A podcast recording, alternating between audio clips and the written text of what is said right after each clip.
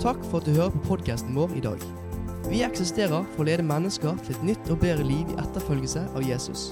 Og vil gjerne høre fra deg om podkasten våre bidrar til dette. Send inn din historie til respons at saltbergen.no. Hvis du opplever podkastene som berikende for troslivet ditt, så er det også mulig å gi noe tilbake for å hjelpe oss å fortsette å spre Guds ord over hele landet. Gå inn på saltbergen.no for å se hvordan du kan bidra. Takk igjen for at du hører på. Her er ukens budskap. Yes. Det er høsttakkefest. Det er høst, og det er takk, og det er fest. Er ikke det flott? Så gøy, altså. Eh, vi, eh, vi, eh, en av de tingene jeg er takknemlig for Vi har vært i Spania et par uker. Og jeg har tatt med meg en mørk skjorte, bare for at ikke liksom, det skal bli for tydelig. på en måte, sant? Sånn til deres fordel. Og, og vi kom tilbake denne uka her. Kjempetakknemlig for det. Fått lov å være der med min familie, min kone Eirin, mine tre barn, som heter David, Kristiane og Sara. Vi har hatt det kjempekjekt sammen. Eh, det er, men det er jo liksom sånn når vi er på tur, sånn som det, så, så, er det jo litt sånn at uh, vi er sammen hele tiden. på en måte, sant? Og det, vi, vi, er familie liksom hele tiden. da. Det er ikke sånn at jeg kan gå på jobb og drikke kaffe på en måte, og så komme hjem igjen og så være flink pappa. sant? Så, så, vi prøver jo å lære barna våre litt sånn, uh, nettopp om dette med takknemlighet. Det er ikke alltid så lett, dette her med takknemlighet. sant? Så typisk situasjon sant? det er jo at når vi, kjøper en pakke med snop Det har skjedd noen ganger på denne Spania-turen. Gir liksom det til det ene barnet. Uh, og med, med, en, med, en, høflig anmodning om at nå må du jo dele med søsknene dine da, når, de, når, de, kommer. Men av en eller annen merkelig grunn så er det akkurat som på en måte når det ene barnet da har fått denne posen med godteri i sine hender, så opplever det ene barnet det er mitt. liksom, sant? Det er jeg som eier denne posen nå. Så når det da kommer en søsken bort og spør kan jeg få lov å få, og jeg forventer at da er det deling som skjer, så er det ikke deling som skjer. Det er stikk motsatt. Nei, den er min! Sant? Og jeg bare tenker, Hva i alle dager var det du ikke fikk med deg her nå? Jeg ga denne posen til deg, liksom. sant? Og Jeg får bare lyst til å bare ta den tilbake igjen og ta tilbake igjen alt annet jeg har gitt til deg. Og gjøre deg arveløs for resten av livet, liksom. sant? Men uh, Man kan jo ikke oppdra barna sine sånn heller. Men vi jobber da altså med dette med takknemlighet da, litt sånn i vår familie. Dette har jo aldri skjedd i din familie, selvfølgelig. sant? Fordi at du var jo på en måte hellig. og uh, Men i vår familie så jobber vi med sånne ting som fristelse og synd. og sånne ting som det, sant? Men det er ikke så lett å eie ting. sant? Det er ikke så lett å ha ting. Det er ikke så lett å være rik heller, da. Eh, og ikke sant, eh, vi, vi, vi, og særlig vi nordmenn, vi liker jo å tyne de som er rike. gjør vi ikke det? Vi liker liksom å, De rike de liker vi å ta. på en måte. Sant? Så når Donald Trump han, eh, han, nekter å oppgi på en måte hva han har betalt i skatt, så tenker vi liksom Åh, Donald Trump! Bare vent til han må liksom gi, gi den selvangivelsen sin. Nå har vi jo bare et par uker igjen sant, å tøyse med Donald Trump, forhåpentligvis. da. Det kan jo godt hende vi har åtte år, men eh, men liker vi liksom å tenke på ja, ja, ja, ja, han har sikkert noe å skjule. Han er Donald Trump. Han er sikkert ikke så rik allikevel som han gir seg ut for å være. Eller han har sikkert brukt pengene på noe helt forkastelig. Eller han har ikke betalt skatt i det hele tatt. sant? Og så liker vi liksom gå sånn og tenke på liksom, det er de rike. da. Eh, men så er det liksom noe sant i det òg. Jeg syns jo på mange måter at Donald Trump burde gjøre offentlig sin selvangivelse. Og amerikanere de roper jo liksom litt på det, og det er jo på en måte noe fornuftig i det òg. Fordi at Hvordan vi forvalter pengene våre, folkens, hvordan vi forvalter vår rikdom, det sier jo noe om hvem vi er. gjør det ikke? Det sier noe om hva som er viktig for oss, og hva vi prioriterer. og uh, Hvordan vi forvalter det som vi har. Det sier noe om hvilke kvaliteter som bor her inne. Én ting er å være rik. En annen ting er å være god på å være rik. For det går an å være god på å være rik, og det går an å være dårlig på å være rik. Sagt på en annen måte, vi, vi, vi kan være rik på en god måte og rik på en dårlig måte. Og så tenker du liksom ja, nå snakker han til de rike i dag. Selvfølgelig, flott, da kan jeg lene meg tilbake. Han snakker ikke til meg. Men nei, du. Nei, du. Vi lever i Norge, folkens. sant? Og vi er på nummer fem altså, på, på, på, BNP per capita, altså verdiskapning per person i landet. Så er vi på nummer fem i verden. Det betyr at det er bare sånne obskure land som sånne oljerikinger er. Sånn Qatar de er over oss, Luxembourg er over oss, Brunei er over oss. Sant? Vet dere hvor Brunei er? Nei? Sant? Det er langt borti Asia en plass. Singapore er over oss. Og der er vi. liksom I den ligaen der. på en måte, sant? Vi er søkkrike, egentlig. Uh, og, og, og og Vi skal komme litt tilbake igjen til det, men rik er jo et relativt begrep. Og nå skal vi lese litt fra, fra et brev som Paulus har skrevet her. og Sannsynligheten er jo stor for at hvis, hvis, hvis, hvis Paulus hadde skrevet det brevet sitt til den verdensvide kirken i dag, så hadde sannsynligvis du og jeg og vi her i Norge blitt plassert i den kategorien som han kaller rik. Vil du være enig i det? Det, det tror i hvert fall jeg. da. Men det er ikke en dårlig ting. da. Det tør jeg påstå. Det er ikke en dårlig ting. Det er en god ting, så lenge vi er gode på å være rike. Og ikke er dårlige på å være rike. Og Det er det vi skal snakke om i dag. Det å være god på å være rik. Og Det er ikke min hensikt å skape dårlig samvittighet eller fordele skyld. Eller at du skal gå herfra og føle at 'å, jeg skulle, og jeg burde, og jeg skulle gitt så mye mer'. Og, og, og, jeg burde, og ditt og datt. Nei, det er ikke min hensikt i det hele tatt å skape skyld eller dårlig samvittighet. Men jeg håper jeg kan skape litt takknemlighet. Det er takkefest. Høsttakkefest. Jeg håper jeg kan skape litt takknemlighet. Og så håper jeg jeg kan stimulere det der ønsket om å være god til å være rik. For det går an å være god til å være rik, og det går an å være dårlig til å være rik. Og Jeg legger ikke skjul på at mye av det stoffet som, som eh, jeg preker i dag, det er inspirert av en kar som heter Andy Stanley. Andy Stanley han er en amerikansk pastor han har skrevet en bok som heter How to be rich. Sant? Den cheesy tittelen. How to be rich. Men han sier da altså det. Det er ikke det du har. It's not what you have, but it's what, what you do with what you have. Det er ikke det du har, men det er det du gjør med det du har, som gjør at du er god på å være rik. Og det er knakende bra sagt. Eh, og så har jo Andy Stanley også blitt inspirert av Jesus og Paulus og de andre gutta. og Derfor så bare preker vi dette med stor frimodighet. Og Vi skal lese fra Paulus sitt brev til Timoteus. Timoteus han var jo leder og, og pastor i, eh, i eh, kirken i Efesus. Og Efesus det var jo et, en, av, en, av, de store byene, en av de store handelssentrumene i Romerriket på den tiden. der. Eh, masse, det var en sånn der, knutepunkt for handel mellom mange forskjellige regioner. Eh, og Derfor så var det veldig mye rike folk i denne byen. her, og Sannsynligheten var stor for at det var en del rike folk i menigheten til Paulus. Eh, og derfor så skriver, nei, til Timoteus. Og derfor så skriver Paulus dette til Timoteus, kapittel 6, i 1. Timoteus, fra vers 17. Forman dem som er rike i denne verden, at de ikke må være overmodige og ikke sette sitt håp til den usikre rikdommen, men til Gud, Han som gir oss rikelig av alt for at vi skal nyte det. De skal gjøre godt, være rike på gode gjerninger, være gavmilde og dele med andre. Slik samler de seg en skatt som blir en god grunnvoll for framtiden, så de kan vinne det virkelige livet. Forman dem som er rike i denne verden, begynner Paulus. Når er man rik? Er du rik? Er jeg rik? Er vi rike? Forrige uke så ble jo eh, Skattelistene de ble publisert forrige uke. sant? Du fikk det sikkert med deg at skattelistene ble publisert. Nå er det jo sånn i Norge sant, at man kan gå inn og søke på skattelistene. Sant? Eh, men det er jo ikke noe fint å gjøre. Sant? Det gjør man jo ikke. på en måte. Ikke i dag, i hvert fall. Sant? Eh, men jeg skal innrømme det at det, det har jeg gjort. da. For lenge siden. For lenge, lenge, lenge siden så gjorde jeg det. Og bare med mine egne søsken. Jeg har ganske mange søsken. Sånn? Og jeg har oppdaget det gjennom mine undersøkelser via skattelistene at det er ganske, rikdom er ujevnt fordelt. Selv søsken imellom. Så er rikdom ujevnt fordelt. Og Det kan jo hende det er en og annen søsken som følger med på denne podkasten, som trenger å høre det. Rikdom er særdeles ujevnt fordelt, selv blant søsken. Sant? Men nå er det jo sånn sant, at, eh, at, eh, hvis du prøver å søke på noen nå, så de, da, finne, da, får de vite at du har søkt. på en måte, Så ikke gjør det. Jeg har slutta å gjøre det, så ikke gjør det du heller. Sant? Det er ikke noe bra å søke på skattelistene. Men hvorfor søker folk på skattelistene, folkens? Jo, det er jo fordi vi er litt sånn nysgjerrige. er vi ikke det? Vi er litt sånn så, og så vil vi sammenligne med hverandre. sant? Sammenligner vi, ja, Så mye tjener han, og så mye tjener hun, og Trump og vi. og sånn som det. Jeg husker når jeg var student, så, så virka det det, var, det, å tjene 350 000 i året det var jo bare helt enormt. Og jeg bare tenkte For en rikdom!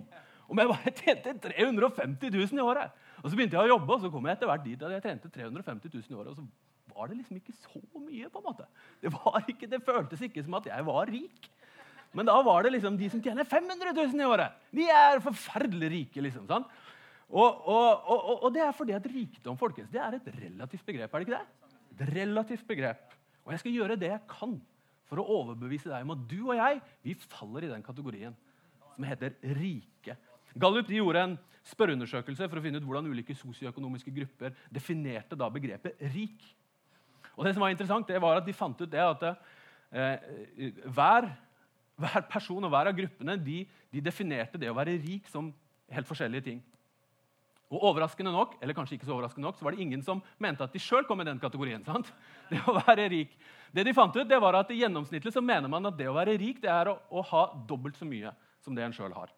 i snitt. Så Hvis du tjener 350 000, så er det å tjene 700 000 som er å være rik. Hvis du tjener en halv million, så er det å tjene én million som er å være rik. sant? Det er sånn det er. Det er et moving target, da, det å være rik.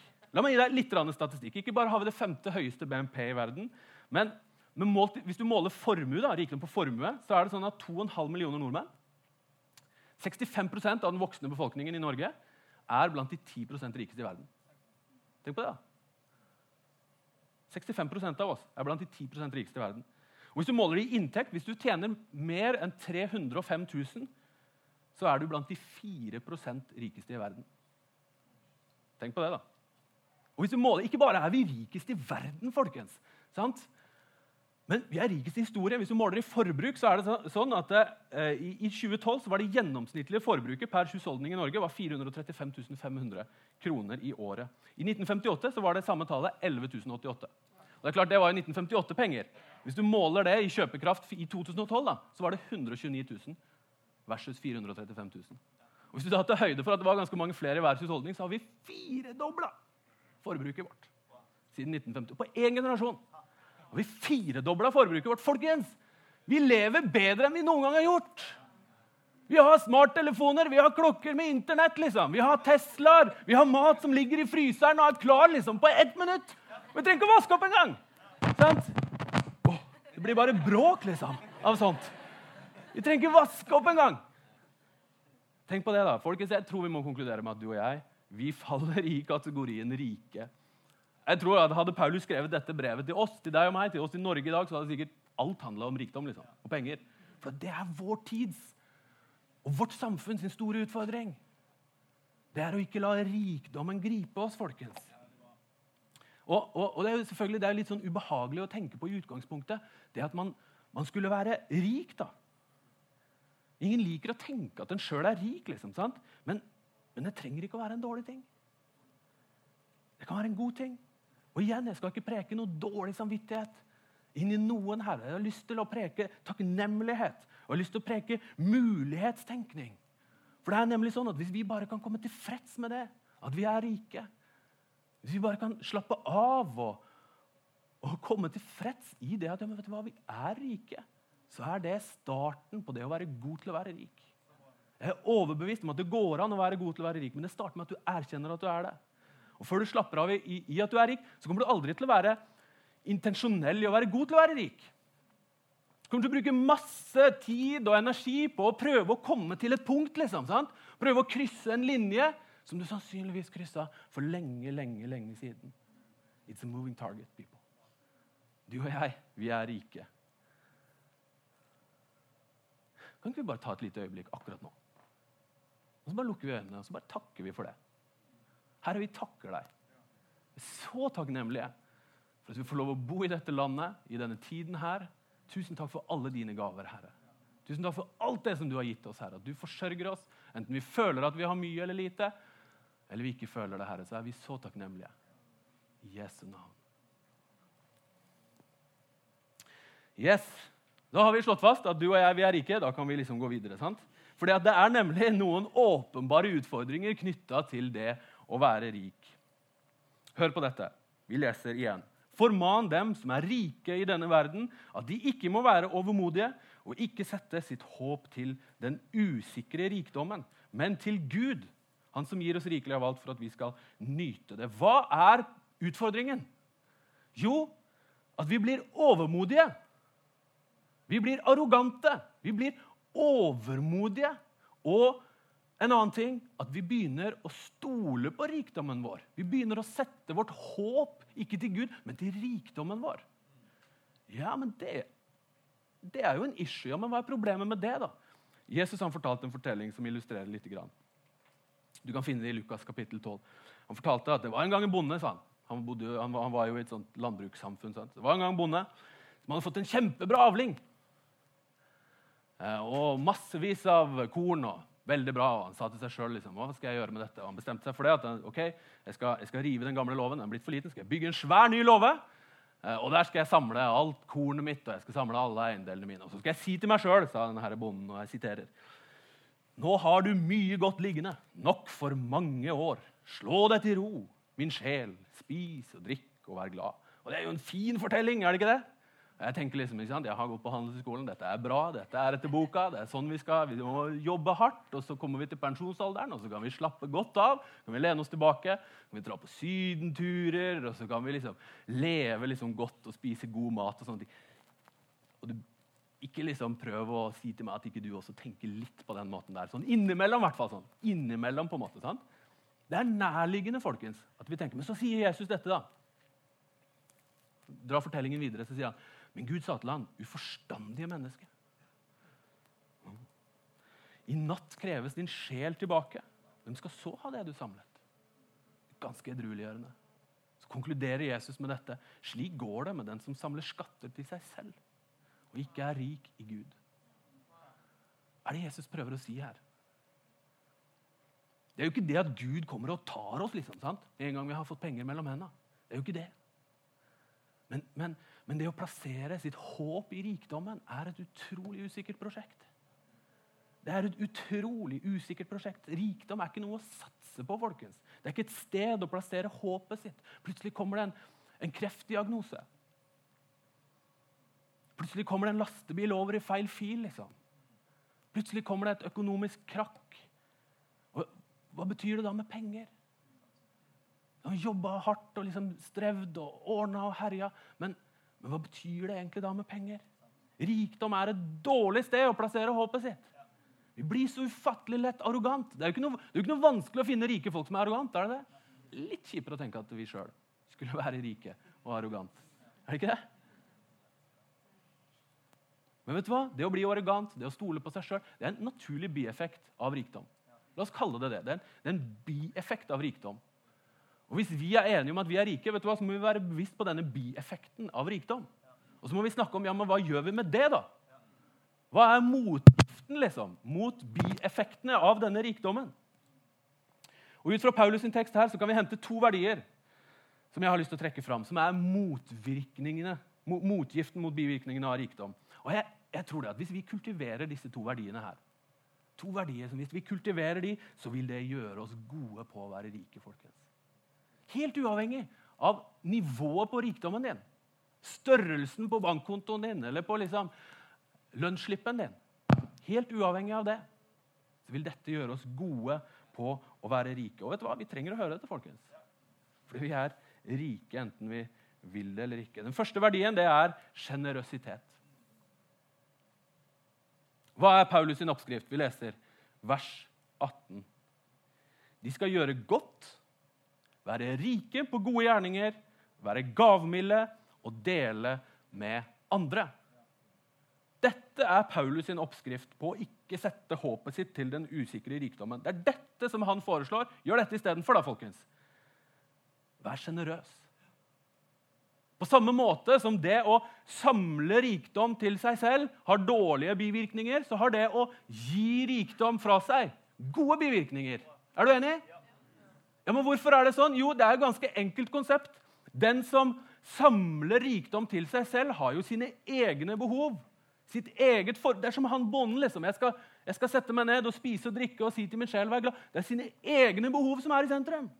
Mens den som gir vekk rikdom, har andres behov i sentrum.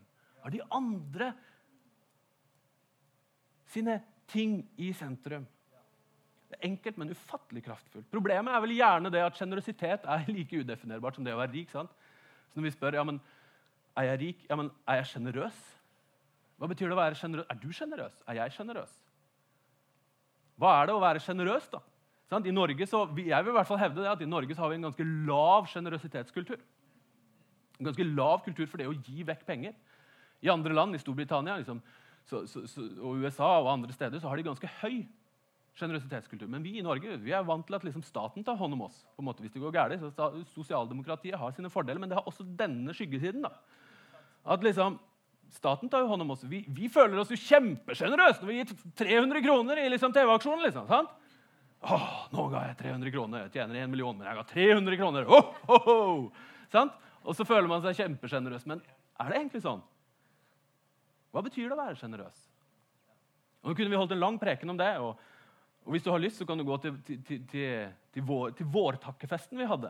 Da snakket vi ganske mye om disse tingene. La meg gi deg bare to veldig enkle prinsipper. To veldig enkle prinsipper. For det første gi først, og så bruk etterpå.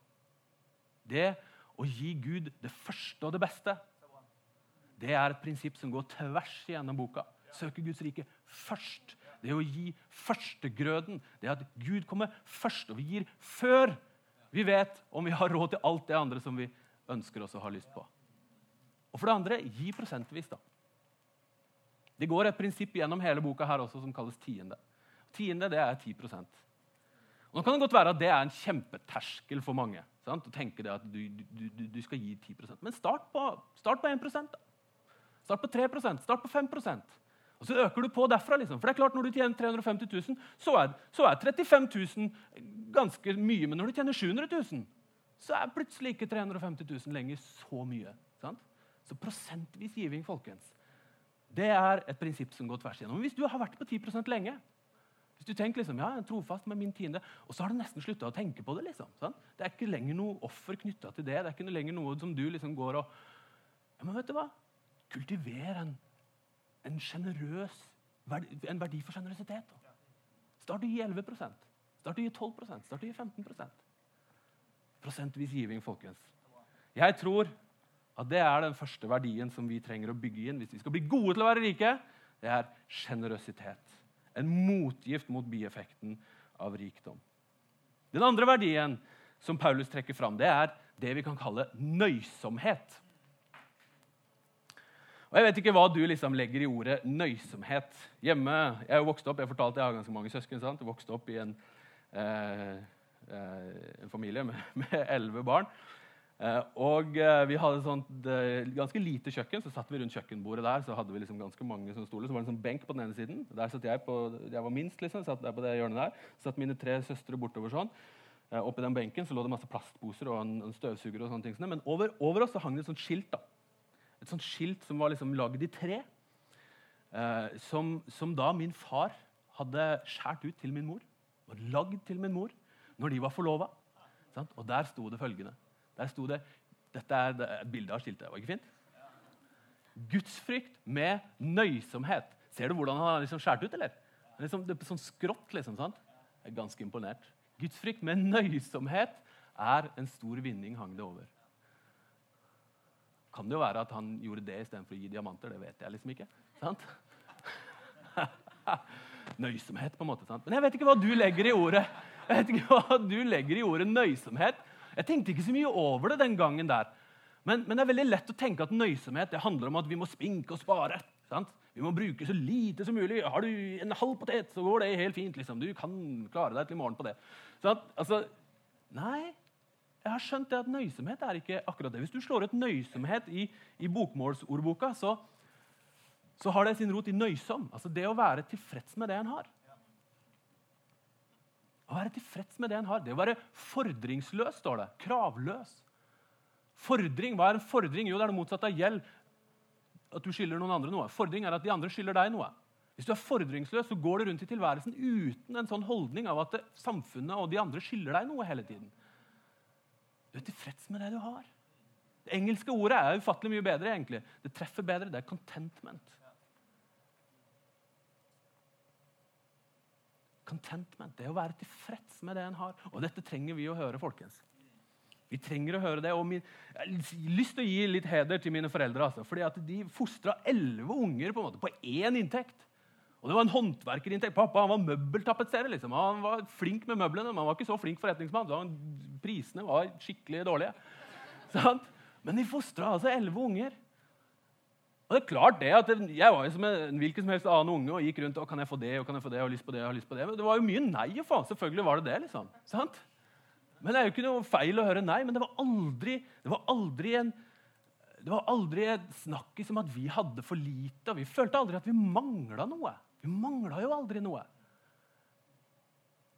Og Det var aldri liksom en sånn der jag etter å må vi tjene mer og må vi jobbe mer, og så vi kan kjøpe det og kjøpe det. Aldri aldri sånt ja. Vi var tilfreds med det vi hadde. Og Det er noe jeg har skjønt sjøl når jeg har blitt voksen, at det var ufattelig viktig. En ufattelig viktig verdi. For det er jo nemlig sånn at Har du en iPhone 5, liksom, så minner den deg ganske kjapt på at du må kjøpe iPhone 6. Men nå har jeg en iPhone 5, og den har jeg hatt liksom forbi iPhone 6. Og nå har liksom iPhone 7 kommet, lærte jeg her i forrige gudstjeneste. Sant? Og jeg kan faktisk klare meg med den iPhone 5. Jeg har til og med Snapchat på den. selv om Jeg ikke bruker det liksom. Jeg kan lese Internett på den. Sant? Jeg kan lese mail på den. Jeg kan ringe meg til og med og sende meldinger med henne på iMessage til flere personer på en gang. Det går helt fint med en iPhone 5. Jeg sier ikke at du ikke skal kjøpe nye ting. Det er ikke det jeg står og sier, Men det handler om en holdning av å hele tiden skulle ha mer. Vet du hva? Samfunnet Reklamen prøver å fortelle deg at du hele tiden må ha mer. Sant? Men, men contentment kommer innenfra. Det handler om en, en, beslutning som du og jeg kan ta her inne at vi skal være fornøyd. Vi skal være tilfreds med det vi har. Og Jeg er overbevist om at disse to verdiene, sjenerøsitet og nøysomhet, contentment, det kan vi velge å kultivere i våre liv. Det er ikke sånn at du må ha 1 million kroner på bankkontoen for å være sjenerøs. Det er ikke sånn at du må tjene 600 000 i året for å være fornøyd med det du har. Faktisk så viser forskning det at Jo mer du tjener, jo mer du har, jo mindre gir du i prosent. Jo mindre sjenerøs er du, og jo mindre fornøyd er du. Det var En som fortalte meg etter forrige gudstjeneste at forskning viser at de som tjener 1 million, er mindre fornøyd enn de som tjener 500 000 i året. Det er ganske interessant. Men det er fordi det kommer innenfra. Det er verdier som vi kan få lov å velge i våre liv. Og jeg tror at det å være god til å være rik, det starter innenfra. Det starter med de verdiene som vi velger i våre liv. Men hvorfor i all verden skal vi være gode til å være rik, da? Ja, nå har vi snakket litt om hva som skjer inni oss og for vår egen del, men, men fins det en større hensikt med vår rikdom? Jeg velger jo å tro det at Hvis Gud vil at vi skal være gode til å være rik, så må den nødvendigvis finne en større hensikt med vår rikdom. Jeg har lyst til å bruke de siste minuttene her til å, til å fortelle om, om, den første kristne kirken. Fordi at De siste 30 årene har det blitt gjort ganske mye forskning på hvorfor kristendommen fikk den utbredelsen det fikk. Ganske mye interessant forskning som har kommet fram.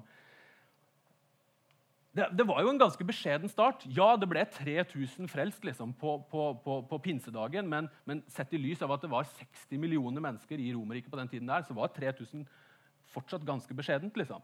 Og Den kristne kirken ble ansett som en sekt i, i mange tiår og flere hundre år.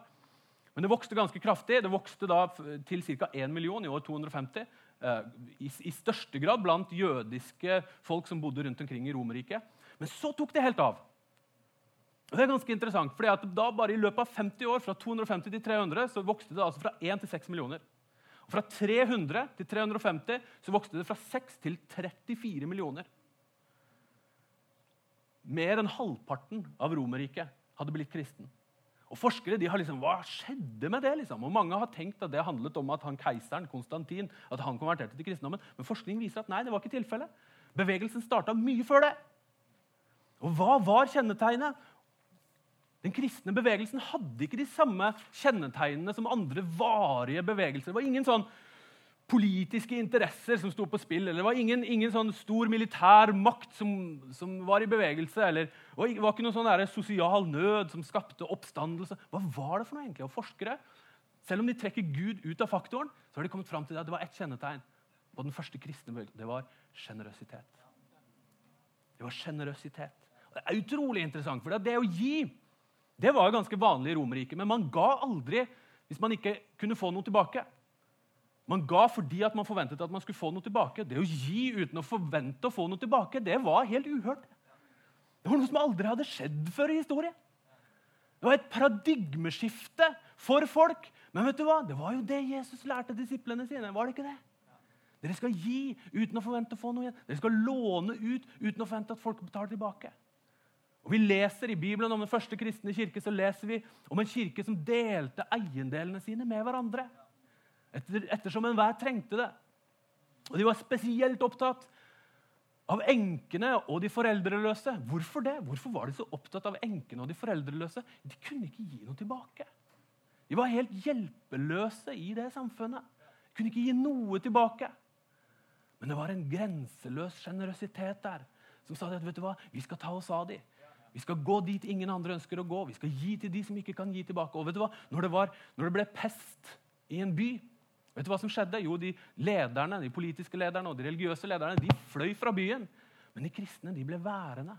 De tok vare på, de pleide de syke. Og de pleide ikke bare sine egne, men de pleide hedningene også. De pleide de som, som ikke trodde.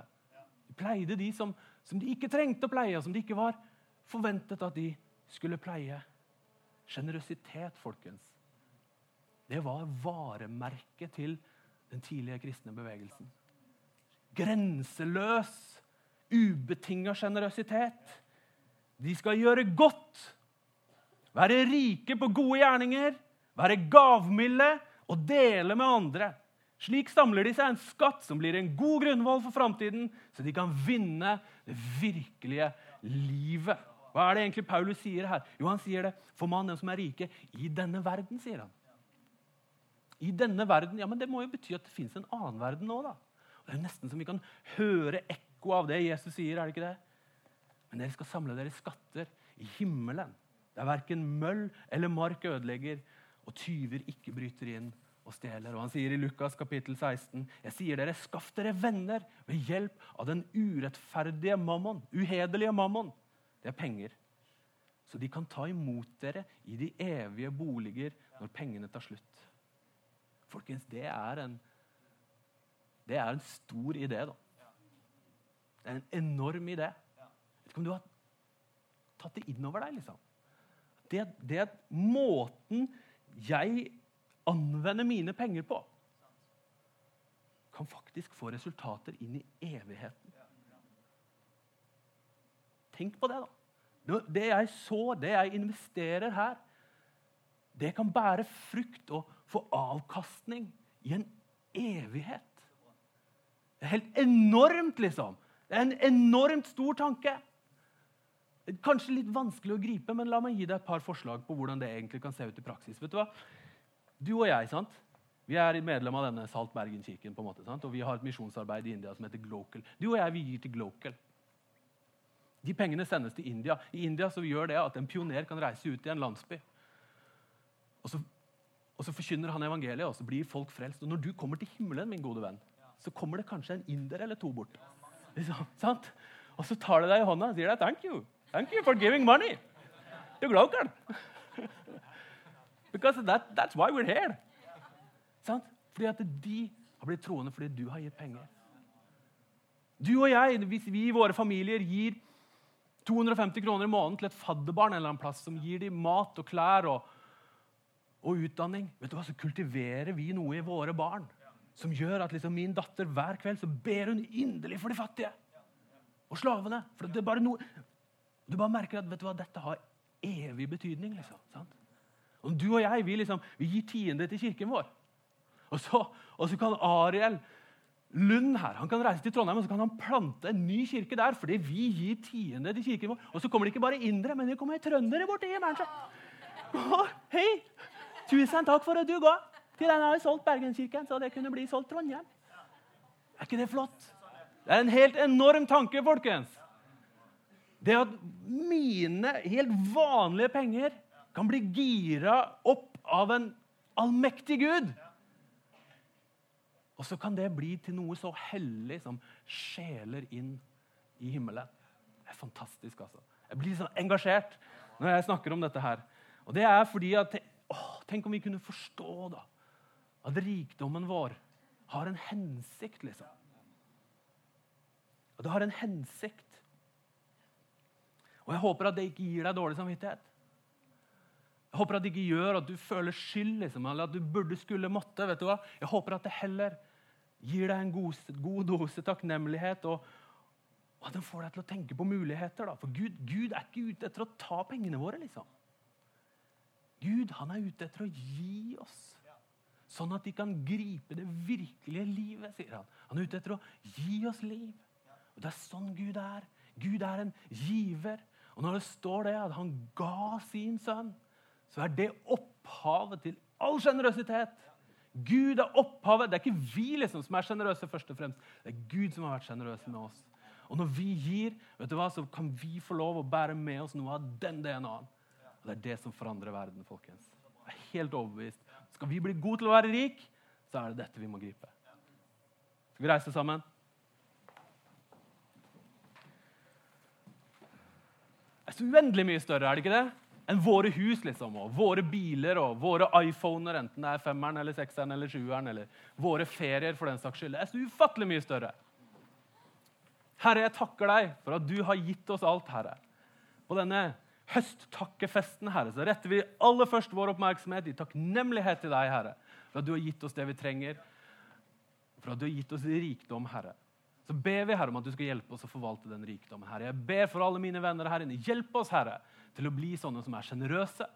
Og hjelp oss til å bli sånne som er tilfreds Herre, med det som vi har. Herre. Sånn at vi kan skape en bevegelse Herre, i, i, i, denne byen Herre, og i dette landet og i den verden som vi er en del av. Herre. At vi kan få lov å se at ditt rike vokser, Herre. Pga. at vi er med og gir, Herre, og at vi har en større hensikt Herre, med, med det vi har. Herre. Jeg ønsker bare å si det til deg, Herre, at vi, vi gir vår, vår, tid, Herre, vi gir vår energi og vi gir våre ressurser, Herre, til deg, Herre. Vi ber om at ditt rike skal komme, og at din vilje skal skje. I Jesu navn. Amen.